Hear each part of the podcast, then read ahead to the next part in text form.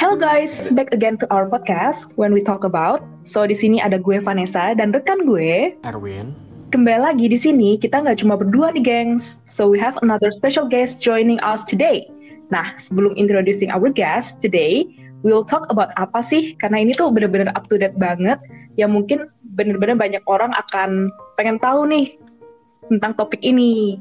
Nah today we will talk about entrepreneurship unscripted the true story behind building a startup. Nah, Win, siapa sih our special guest ini? Jadi hari ini kita kedatangan Fauzan Gani, founder and CEO of Together. Together is a wellness startup, salah satu yang pertama di Indonesia.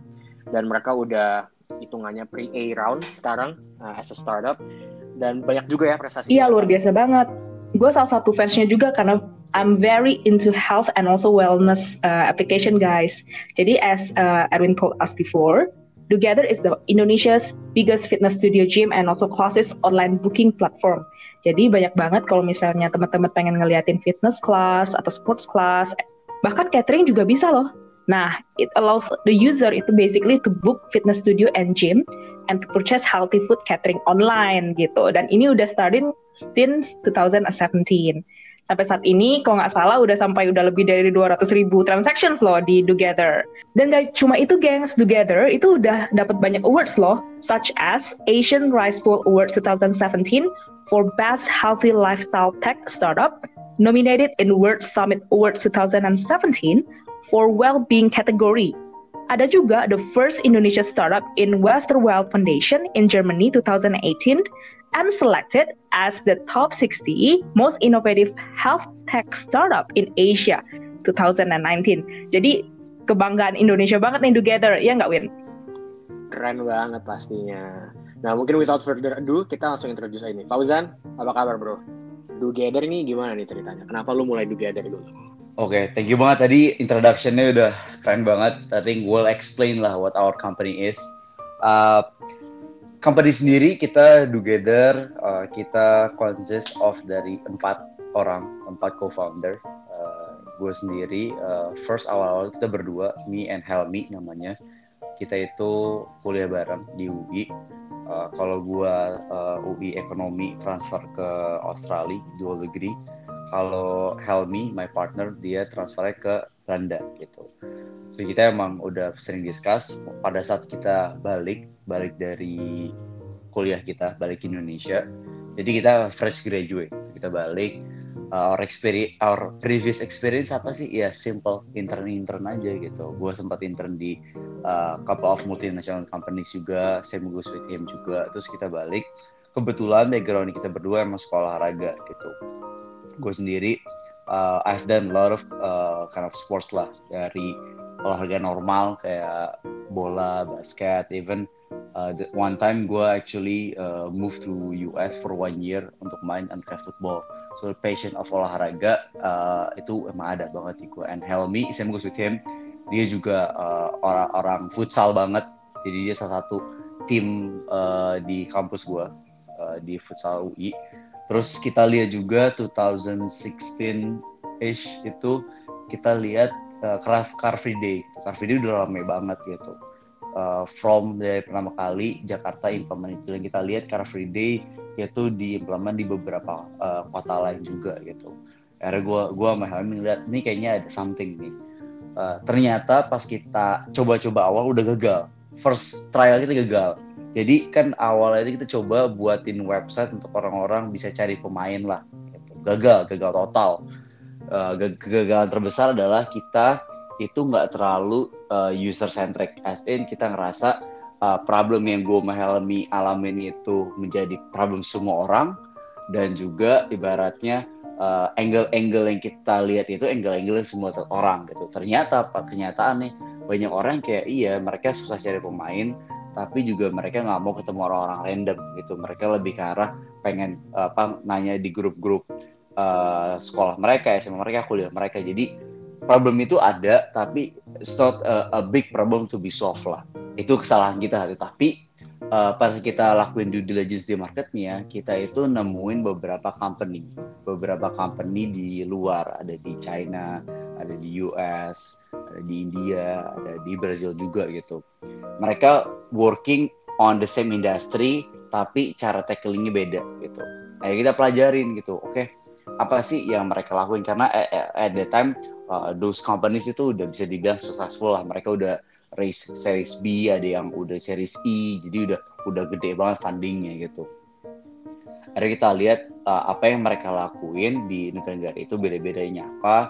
Nah itu nah kita cek nih Indonesia kan uh, seperti kita tahu selalu ketinggalan beberapa tahun. Pertanyaan adalah oke okay, di wellness and health and fitness ini Indonesia itu berapa tahun ke belakang sih gitu. Kita di posisi di mana? Nah kita lihat oh kita on average itu roughly 5 to 6 years. Caranya gimana technical method kita lakuin? Kita lihat company-company ini mereka risk investment di tahun berapa? Seed round mereka tahun berapa? Series mereka tahun berapa? Dan pas mereka raise uh, seed of series ini apa yang mereka bangun? Apa yang mereka build? Dan tahun berapa? Kita tarik mundur. Kita lihat oh Indonesia sekitar 5 6 tahun 5 sampai 6 tahun sebelumnya gitu. Kita lihat oke okay, apa nih yang kita bisa solve gitu key point di industrinya kita uh, kebetulan uh, I know this uh, one person. Sekarang jadi merchant juga punya tempat olahraga gitu. Senior gue di Alizat. Gue akhirnya datang mereka gue ajak ngobrol gitu. Ajak ngobrol ternyata gue baru sadar oh proses pembukingan tempat olahraga dan cara proses uh, business operation di tempat olahraga manual itu ya. Kayak manual banget lah ya. manual banget manual banget gitu. Jadi kita lihat oh my god ini ini something kita just solve gitu. Kita ngelihat ini kayak travelokanya nih gitu. travelokanya olahraga gitu sih travelokanya olahraga kita mikirnya gitu. Akhirnya kita kita pivot gitu. Yang yang cari pemain kita buang kita kita acquiring tempat-tempat olahraga. Kenapa? Kita lihat gini pas kita interview tempat-tempat olahraga ternyata mereka ini banyak yang baru buka in the past one year gitu satu dua tahun ini baru buka. Dan, dan mereka bilang omset mereka growth tinggi. Jadi kita lihat oke okay, secara uh, potential market yang raw-nya aja mereka udah growing gitu loh. Dan kita lihat dong uh, age groupnya Indonesia itu uh, working working groupnya itu kita sekarang makin gede kan. Even lebih gede daripada uh, late generation nih. 60 above hmm. uh, 20 sampai 45 kita jauh lebih gede populasinya. Jadi kita lihat oke okay, karena Indonesia punya huge population ekonomi kita growing power spending kita growing first thing yang mereka akan spend pada saat lo punya more income adalah naikin quality quality food lo, quality kehidupan lo, and everything. Nah kita lihat oke, okay, yes. Nah kita ngeliat oke okay, itu bakal menjadi huge market, itu huge market. Akhirnya kita uh, kita tapi kita butuh tim satu. Akhirnya kita uh, acquire another two co-founder gitu. Chief product kita masuk, asisi CTO kita masuk. Kita berempat kita jalan. Kita building towards what we've been doing right now lah. Basically together itu vision kita apa sih? Kita one stop untuk uh, health and wellness gitu. Tapi kita focusing nice. untuk create a better living. Gitu. Kita nggak pernah ngeliat together as in uh, help you to uh, kayak dokter-dokter tuh nggak. Justru kita pengen nge-improve your uh, health habit, your life habit. Nah itu goalnya Together itu di mana generasi kita itu spending ke dokter mereka nanti, insurance mereka itu way lower sama current generation. So in your mission to support that, Together akhirnya ada beberapa produk nih ya bro ya. Ada DoFit, ada DoFood, yaitu catering makanan sehat, ada Do Life juga yang terbaru uh, selama masa COVID ini, and even ada partnership dengan Gojek juga nih bro kayaknya nih. Iya, alhamdulillah. ya, jadi uh, ya pas kita jalanin uh, it's a, a, lot of challenge lah ya. Jadi especially gue as a fresh graduate founder uh, pas kita berusaha raise capital itu challenge itu gila-gilaan lah. Susah banget karena kita nggak bisa ada track back track record lah. Kebetulan kalau co-founder kita yang lain kayak chief product kita masih CTO kita, chief technology kita, mereka punya working experience. Cuma oh itu uh, gue sebagai CEO sendiri, uh, I don't have any uh, heavy heavyweight experience lah. Dan gue juga nggak kerja di Ivy League. Jadi uh, apa yang kita lakuin adalah kita terus showing uh, attraction lah, gitu showing attraction karena pas kita masuk uh, ke pertama kali kita mikirnya agak naik oke bisa nih langsung ke Media, ya? venture capital. Karena kita baca di berita. Iya kesannya itu gampang banget. Wah ini dapat funding segini nih segini kok bisa nih? Datang buset dibuang tendang ya kan. Ya dengan banyak hal lah gini. Ada ada ada feedback yang benar-benar bagus ada feedback yang ibaratnya kita tahu this is just basa-basi aja gitu. Ibaratnya mereka nggak mau tapi basa-basi aja. Nah akhirnya kita kayak kita lah. Terus jargon-jargon kayak retention lah CAC lah, LTV lah, itu kita tuh belajar as kita uh, ketemu visi saat itu kita baru tahu oh nih ternyata visi ini nggak teh uh, apa uh, cost to marginnya nih harus harus positif nih atau enggak negatif tapi ada road to profitability-nya. Oh CAC-nya tuh uh, tuh LTV-nya kayak gimana? Oh retention kalau misalnya ini tuh berapa? Kita tuh kita baru belajar on going sana. Akhirnya kita uh, coba coba improve lah. Terus kita ketemu uh, this uh, mentor uh, her name Shinta Bubu uh, Erwin juga tahu. Jadi Bubu Shinta Bubu kita ketemu Bubu Shinta Bubu kita explain uh, our vision gitu saat itu Win uh, Vanessa juga. Dan kita bilang kita being frankly honest kita bilang we don't have any like specific uh, entrepreneur background. Kita juga bukan dari Ivy League tapi kita tahu apa yang kita mau bi bikin in the end itu visionnya. Caranya gimana along the way kita nggak tahu bu. Gitu kita bilang. Tapi kita bayang lah apa uh, somehow somehow Bu Sinta ngerasa oke okay, uh, let's let's take a look gitu. Akhirnya Bu Sinta join as our advisor gitu. Advisor I to which is she help us a lot lah. Bu Sinta years of experience gitu kan. Uh, help us a lot untuk improve the products terus improve our pitch deck juga improve all the message to investors to to consumers juga. Uh, akhirnya kita ketemu first angel investor kita Pak Erick Thohir uh, Bapak Menteri kita sekarang. Begitu kita uh, pitching uh, di sebuah hotel uh, ke Pak Erick itu uh, mungkin eight months setelah kita launch, launch up first website kita untuk booking uh, tempat olahraga gitu. Kita pitching ke Pak Erick uh, along his all board director itu kebetulan. Ada cerita yang lucu juga sih, Queen, pas lagi kita pitching ke Pak Erick. Jadi uh, kita duduk berempat nih. Jadi me and all these co-founder kita duduk berempat uh, di lobby hotel gitu. Di lobby hotel kita jelasin kita pitching. Kita udah siapin banget nih laptop lah semua. Semua ibaratnya gue ngomong apa nih ngomong apa semua udah siap lah. Kita lagi jelasin di tengah jalanan tiba-tiba harus ngomong apa, apa berdiri cabut. Lu bayangin. Di gak ngomong apa-apa. Gue lagi ngomong Pak Erik nih gue lagi jualan lagi di pertengahan presentasi pap pap pap, pap dia berdiri cabut. Habis itu gue gue tahu nih oh uh, ibaratnya CEO Mahaka Group ya parodi gitu. Gue langsung geser presentasi ke dia. Ya udah gue mikir adalah ya udahlah bodo amat. Gue mikir ayo udahlah.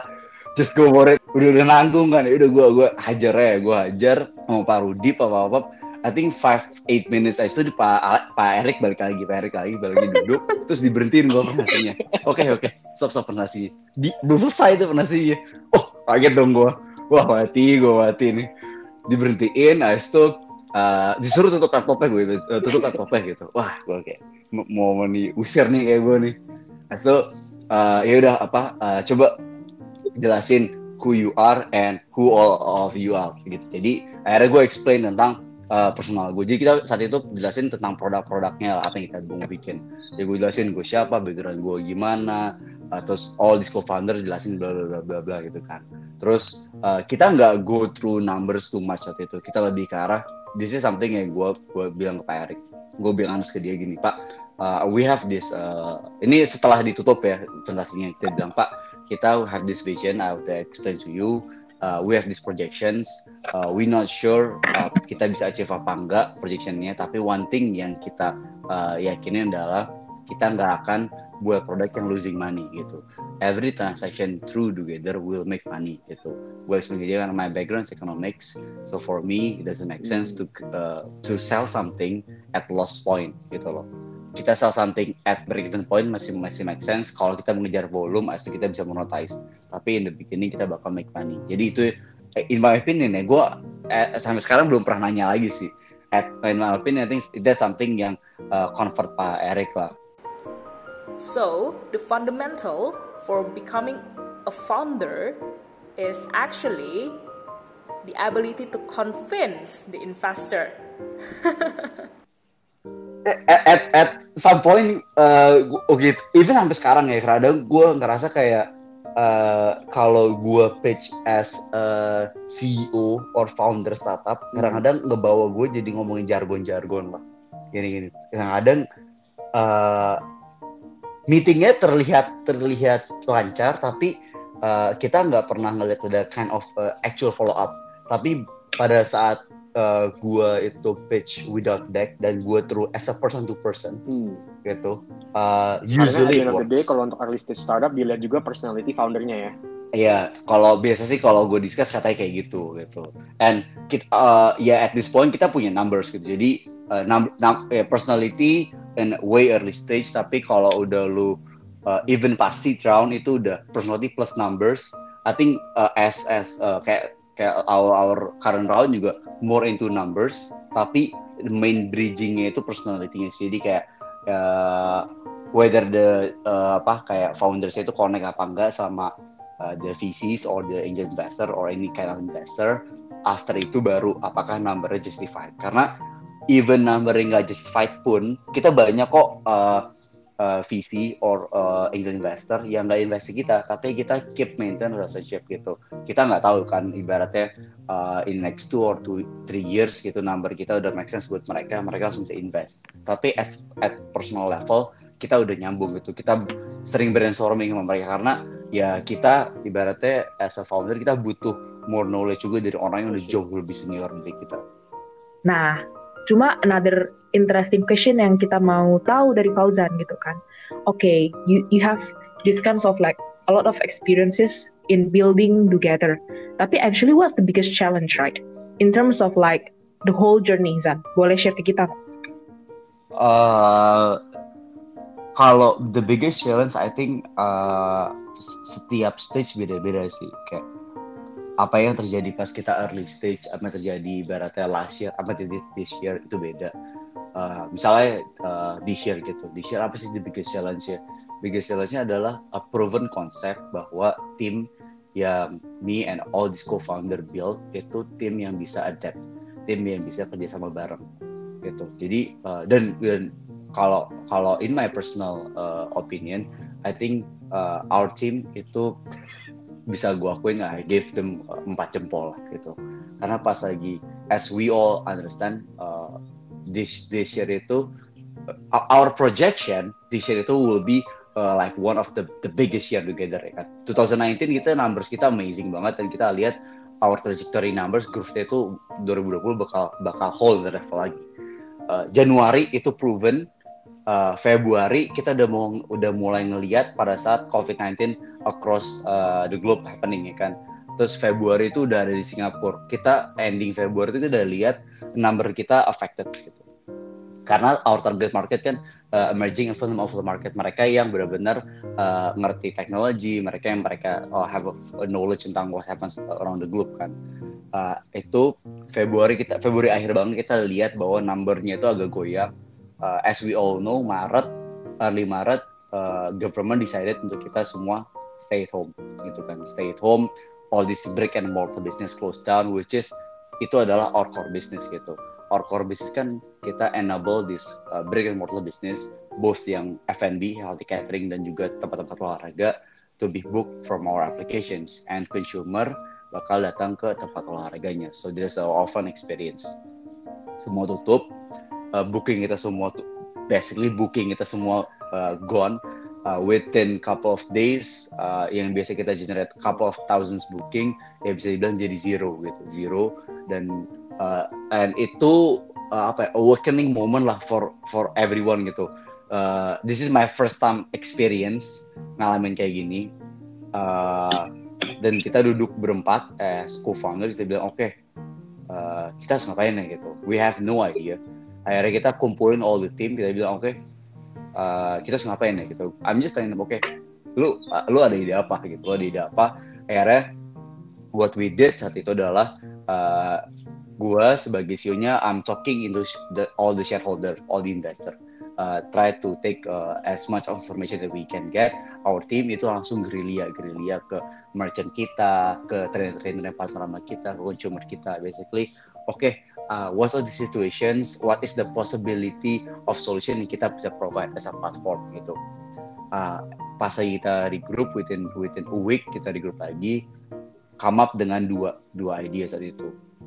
Dan menurut gue ini pivotal moment juga buat kita. Kalau bisa dibilang what if the apa challenge the main challenge-nya adalah basically you see the numbers yang lo generate a couple of thousand booking per day tiba-tiba jadi nol tuh stressful banget. As itu akhirnya kita di grup uh, our our team uh, pitching in ya, do couple of ideas lah. Akhirnya kita decide two ideas. Satu uh, kita buat website, kita buat website uh, untuk video on demand, free content.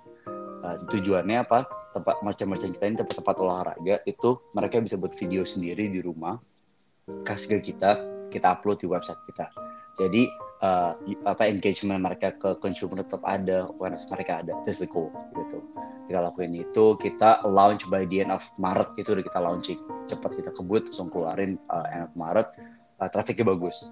Inisiatif kedua yang kita desain adalah oke, okay, itu awareness engagement is one thing. In the end mereka butuh income. All these trainer, all these merchants, all brick and mortar mereka butuh income. What we will do gitu.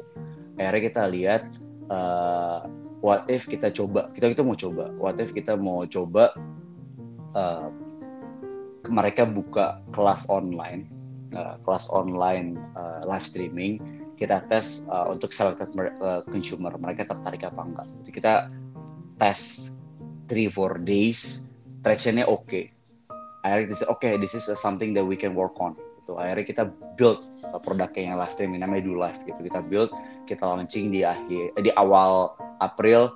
Kita gandeng beberapa merchant. Nah itu so far sekarang menjadi pivotal moment juga buat Together sekarang kita alhamdulillahnya without without uh, the brick and mortar uh, facet itu kita bisa tetap generate income generate traction dari live streaming yang penting juga adalah kita bisa ngebantu all these merchants, trainer make money lagi karena pada saat kita semua stuck at home mereka tuh benar-benar income nol. Jadi itu salah satu uh, challenge dan uh, alhamdulillah sih kita bisa bisa bypass itu.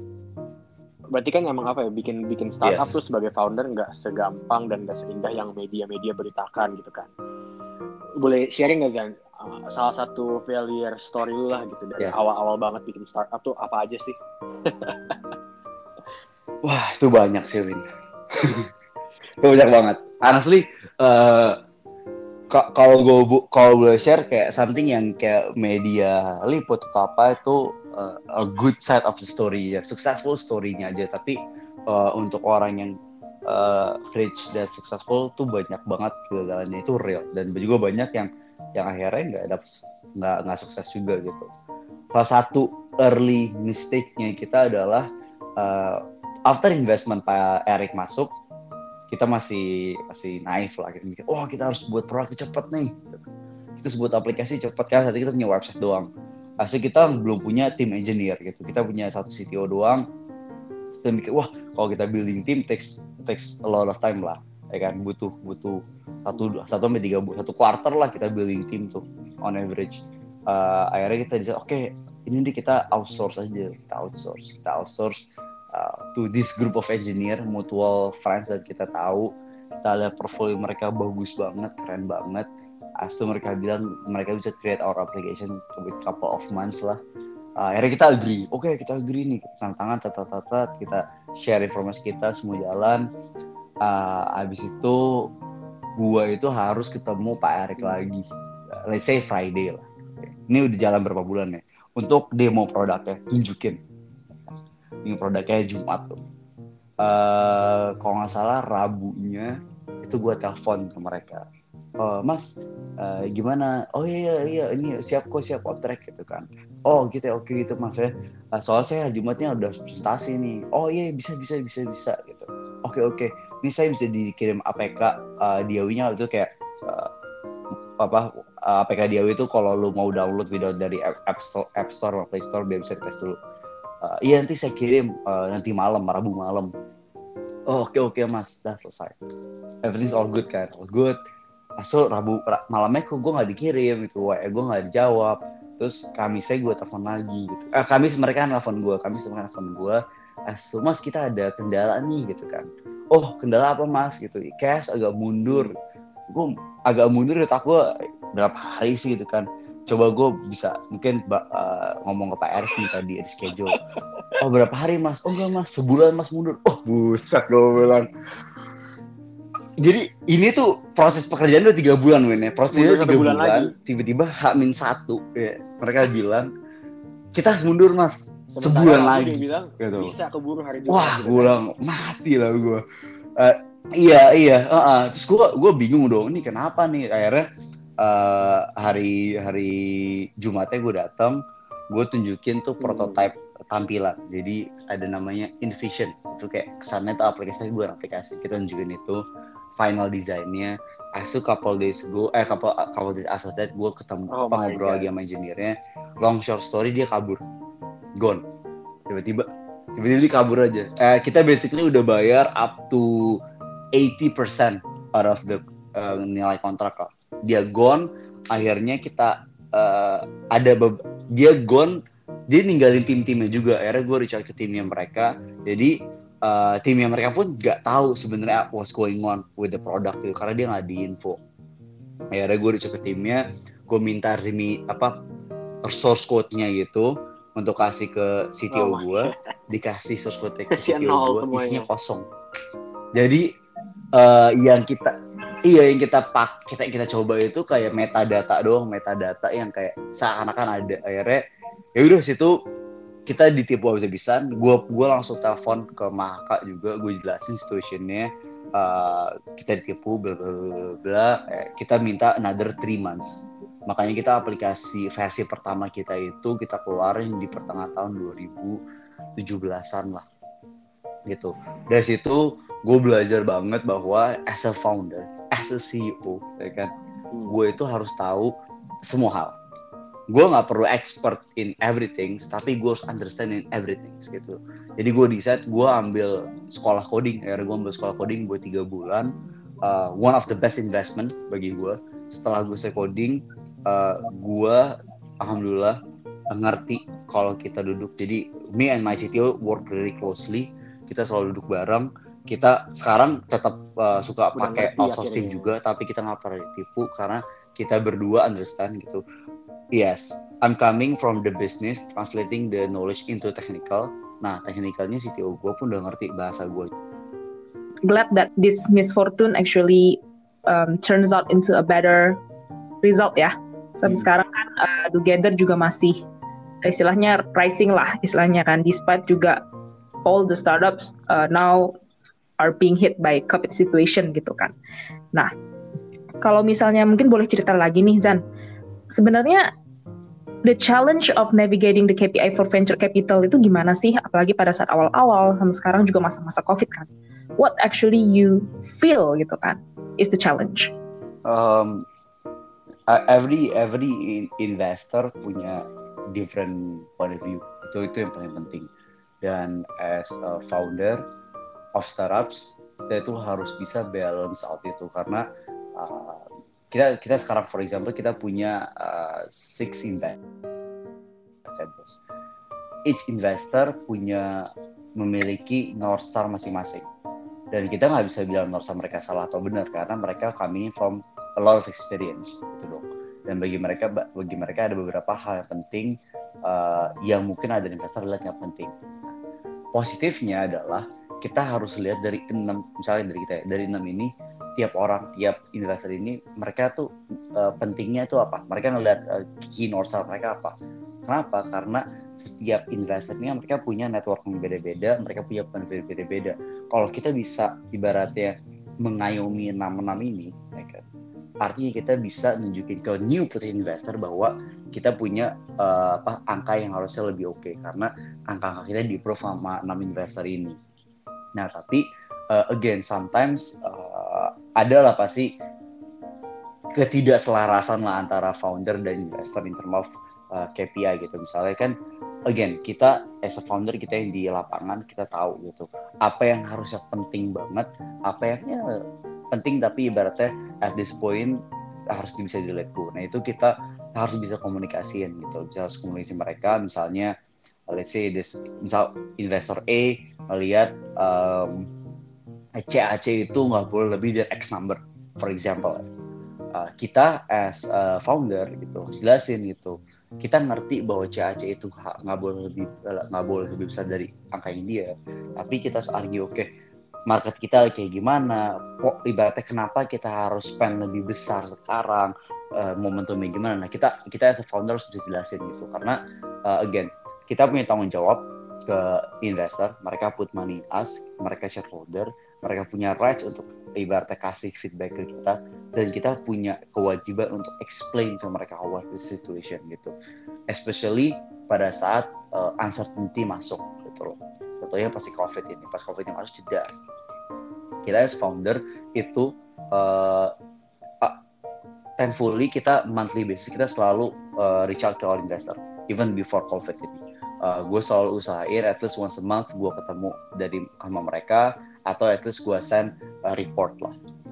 Nah, uh, pas lagi COVID ini happening, kita itu langsung uh, jelasin full, full the the situation itu. Ibaratnya pahitnya itu apa, potensial super pahitnya apa, po potensial positifnya apa, potensial super positifnya apa gitu. And then kita ask that feedback, gitu. ask that feedback, ask adjustment KPI gitu. Karena again uh, KPI pre-COVID ibaratnya sama sekarang hmm. obviously beda lah gitu. all the situation kan ibaratnya kita sekarang harus adapt misalnya kemarin kita harus ngelihat growth kita X number sekarang kita nggak ngelihat growth X number mungkin kita ngelihatnya maintaining ibaratnya steady and healthy growth gitu at what number nah, itu kita as founders bisa explain ke mereka kalau mereka nggak setuju kita harus nanya kenapa mereka nggak setuju? Especially misalnya investor yang misalnya non dari Indonesia dari luar itu. Mereka punya global point view kan?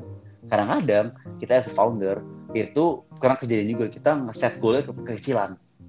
Gitu ternyata pas dia tahu enggak uh, as global gini-gini gitu. Oh ternyata kita bisa uh, apa targetnya lebih tinggi. Lebih tinggi oh kita berarti harus ibaratnya ngelakuin ABCDFG itu achieve itu. Ujung-ujungnya achieve jadi uh, cara navigasi ini adalah komunikasi komunikasi komunikasi. Kalau ada gap komunikasi tentang KPI kita KPI mereka itu harus ada komunikasi gitu. dan kita harus jelas juga misalnya apa what other investor think?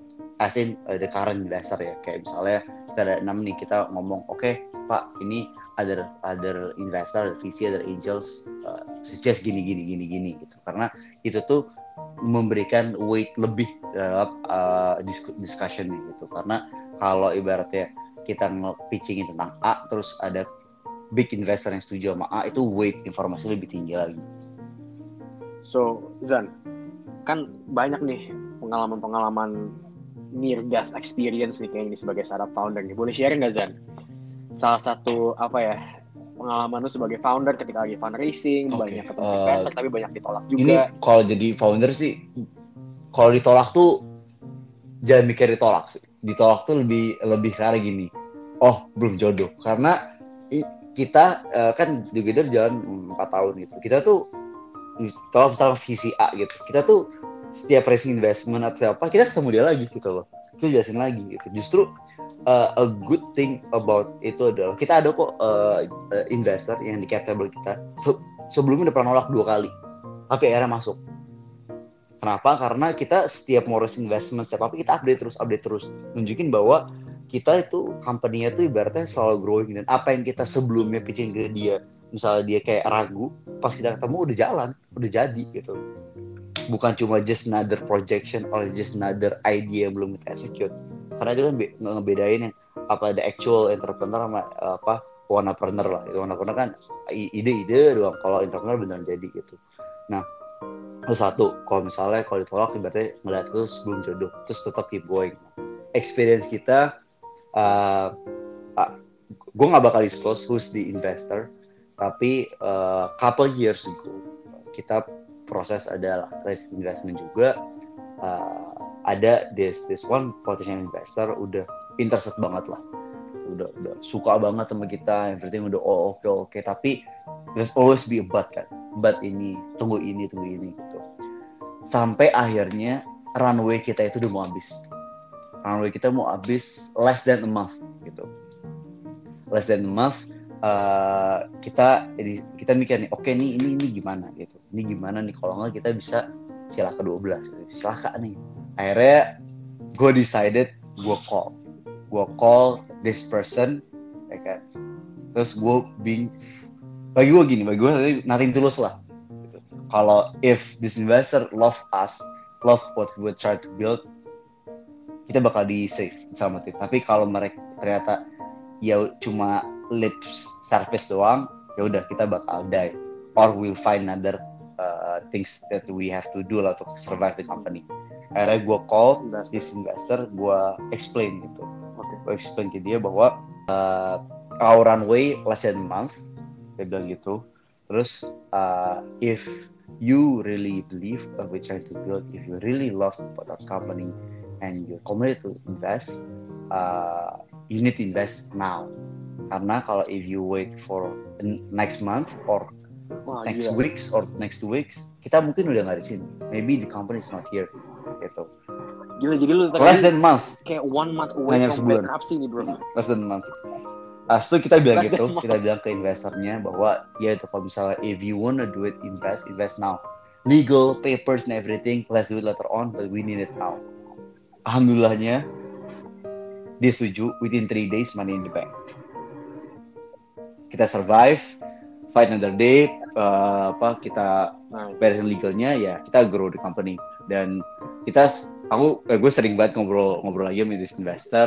Ya ternyata saat itu bagi dia tuh dia dia mau mau aja mau mau aja uh, invest langsung. Cuma saat itu lesson learned juga dari gue bahwa gue itu nggak langsung oke pak yuk sekarang gitu. Gue lebih oke ini kita lagi mau kayak gini mau kayak gini gitu. Ya uh, lesson learned bagi gue adalah pas ada orang mau mau invest close the deal saat itu juga. Ya. Oke Zan, um, through your story ya, Siap. apalagi lo kan langsung terjun ke dunia startup setelah lulus gitu kan istilahnya kan. Mungkin ada beberapa pengalaman internship, tapi you're like the real entrepreneur since the beginning nih gitu kan. Nah, if you think about it right, so what do you think of misalnya people yang mau terjun langsung ke entrepreneurship gitu kan? What kind of profile sih yang bisa membuat mereka thrive dan juga sebenarnya kalau bol- mungkin boleh cerita sedikit ya motivation lo tuh bahwa oke gue tahu my my way is through entrepreneurship itu gimana sih kalau boleh cerita? mungkin gua gua jawab yang berdua dulu ya my way-nya. Jadi kebetulan dari dari gua kecil gua nggak gua nggak nggak ngeh ya or gua nggak tahu tuh tentang ibaratnya jargon-jargon entrepreneur. Cuma yang pasti dari gua kecil gua tuh suka uh, make money on the side lah gitu. Buka buat bisnis. Kecil jadi zaman gue SMA gue sempet jualan DVD bajakan game bajakan tuh zaman zaman dulu. Jadi gue Iya, gue gua da- gua download. Gue dulu emang ngerti kamu tadi gue gue download terus gue buat ibaratnya cracknya, jadi orang bisa main eh, apa game-game dari komputer. Itu dulu zaman kalau kita beli di mall-mall kan 50 ribu tuh. Atau di apa supermarketnya 50 ribu. Gue jual 20 ribu Oh. 30 ribu gitu. Jadi karena kosnya murah banget. Terus ya gue sempat jualan eh, baju juga gagal jualan bakso jualan buku. Jadi dari dari awal gue emang suka apa side hustle lah. Jadi bagi karena bagi gue eh gue somehow nggak nggak pernah dari gue kecil gue nggak pernah sit myself eh, kerja kantoran gitu. Kerja kantoran ya 9 to 5 eh, kerja gitu. Karena gue itu tipikal orang yang kayak pengen ada ide terus kayak udah lakuin lakuin cobain cobain cobain gitu. Karena pas apa especially itu moment of truth pada saat gue coba internship ya. Gue coba internship di multinational companies. Mereka itu well established. Nah kalau dan gue discuss a lot ya sama kayak manajer gue gitu. Kalau lu punya kayak ide-ide apa itu proses tuh ribetnya gila. Itu lu you have to fight the the project untuk di kick off aja bisa setahun. Buat di kick off gitu loh. Berarti by, by one year udah mager dan kalau kick off gagal tuh lebih dan mere- mereka tuh resikonya kalau mereka kick off gagal itu bisa eh, meres, apa resiko besar untuk karir mereka. Jadi gue ngerasa kayak alah nggak worth it lah gitu. Dan eh, dan ini eh, ibarat safety net safety net gue satu mikir gini. Gue lulus dari kuliah yang oke dari UI dan gue kuliah dari di Australia UQ Uh, my my my GPA juga oke bagus gitu. So at the worst scenario satu gue buat together ya kalau ini gagal pun gue bisa find works or even build another company. Karena ibaratnya gue have uh, ibaratnya good enough CV untuk sell itu. Uh, terus dia tinggal gimana caranya nge ibaratnya nge-brand story-nya dari failure jadi success story gitu. Dan sebelum gue jump into entrepreneur or startup juga itu sudah ada validasinya validasi internal kalau gue mikirnya. Validasi internal adalah gue milih menjadi buat tech company atau startup itu bukan karena gue nggak punya other options. I have I need to have other options. Tapi gue choose ini karena this is adalah something yang calling dari gue untuk ngelakuin. Jadi pas lagi gue awal lulus itu gue udah udah dapat uh, job offer dari dua multinational companies juga gitu. jadi nanti gue tinggal signing gue kerja atau gue put together gue riset put together. Nah balik ke pertanyaan pertama apa sih in my opinion kalau ibaratnya standarisasi buat gue ya. Kalau gue sering ngobrol sama misalnya eh, orang mau gue sarap ke gue adalah ini orang sabar apa enggak? Bagi gue sabar itu nomor satu. Hmm. kenapa? Pada saat kita kalau lu baca buku eh, apa baca berita kan ada wah ini gila nih umur segini umur segini udah racing segini wah umur segini udah segini. Ya itu mereka gitu loh. Kita punya waktu sendiri gitu. Kita mungkin bisa lebih cepat dari mereka, mungkin kita bisa lama, mungkin kita ibaratnya reach one million, one millionnya itu lebih lama, tapi reach 10 millionnya lebih cepat can be. Nah, sabar itu paling penting. Sabar ngadepin building a company itu harus sabar ke user, consumer. Lu harus baca customer complaint every week gue baca tuh customer complaint itu ngebikin lu nginjek tanah lagi bahwa ibaratnya a lot of things need to, need to be done sabar uh, interact with employees kalau misalnya mereka salah atau apa sabar juga with other co-founder kalau kita punya kesalahan. Sabar ngobrol sama investor kalau kita ibaratnya nggak achieve target atau gimana. Sabar kita ditolak sama investor. Sabar kalau misalnya target kita tuh belum mencapai jadi banyak kalau yang sabar gitu. Nah kalau orangnya nggak sabaran mereka pengen quick kill quick kill quick kill gitu gue nggak ngelihat bakal bakal sustain as company. Satu yang kedua orang yang gak sabar itu punya tendensi make a shortcut dan kalau gue gue itu nggak mau involve around my my core team my inner circle someone yang willing to do a shortcut gitu. Karena bagi gue shortcut itu contoh dari nggak sabar. Dan kalau dia shortcut buat dia itu bisa affecting the whole company. Can be mm-hmm. affecting me like, in the bad way gitu. Maybe short termnya gue dapat gain 10 dollars. Tapi long termnya kalau gue dis disu uh, a million dollar kan ibaratnya nggak nggak yeah. worth the effort. Jadi uh, Indian sabar nomor satu. Any other fundamental value nggak yang menurut Fauzan selain sabar ya, selain patience itu kayak it's very important for a founder to have. Ya, yeah, standar lah misalnya kayak sering kita baca uh, founder itu harus patient dengan apa yang dia build itu gue setuju Uh, dan bagi gue ini passion is one thing tapi kalau lu jadi consumer of your services itu whole different thing. Gitu. karena kalau kita menjadi consumer of our services kita bisa think like the consumer. Dan kita bisa balance out. Kita balance out kapan kita masuknya kita sebagai business ownernya entrepreneurnya untuk monetize spending product development. Tapi kita tahu juga di sisi consumernya gitu. Jadi uh, bagi gue kalau kita mau buat any company out of out of sabar tadi adalah kita nih ya kan? Consumernya apa enggak? Kalau kita nggak consumernya it's fine. Satu temponya tapi co-founder kita harus harus ada consumer. Jadi misalnya lu konsep berempat bertiga berdua minimum satu orang itu harus purely consumernya. Karena pada saat kita discussion business meeting atau productive meeting that person will fight on behalf of the consumer mungkin dia nggak akan mikirin anything related produknya, bisnisnya, marginnya, KPI enggak. Dia bakal fight on behalf consumer. Nah, kita perlu orang itu. Kalau kita bisa melihat, actually what we concluded for the the best from Fauzan ya, istilahnya quote-nya Fauzan ini adalah a fundamental of being a founder is actually patience, right? Be a customer of your own platform. So again, from us, thank you Fauzan for joining us today. Dan di sini ada gue, Vanessa. Dan gue Erwin. See you in our next podcast.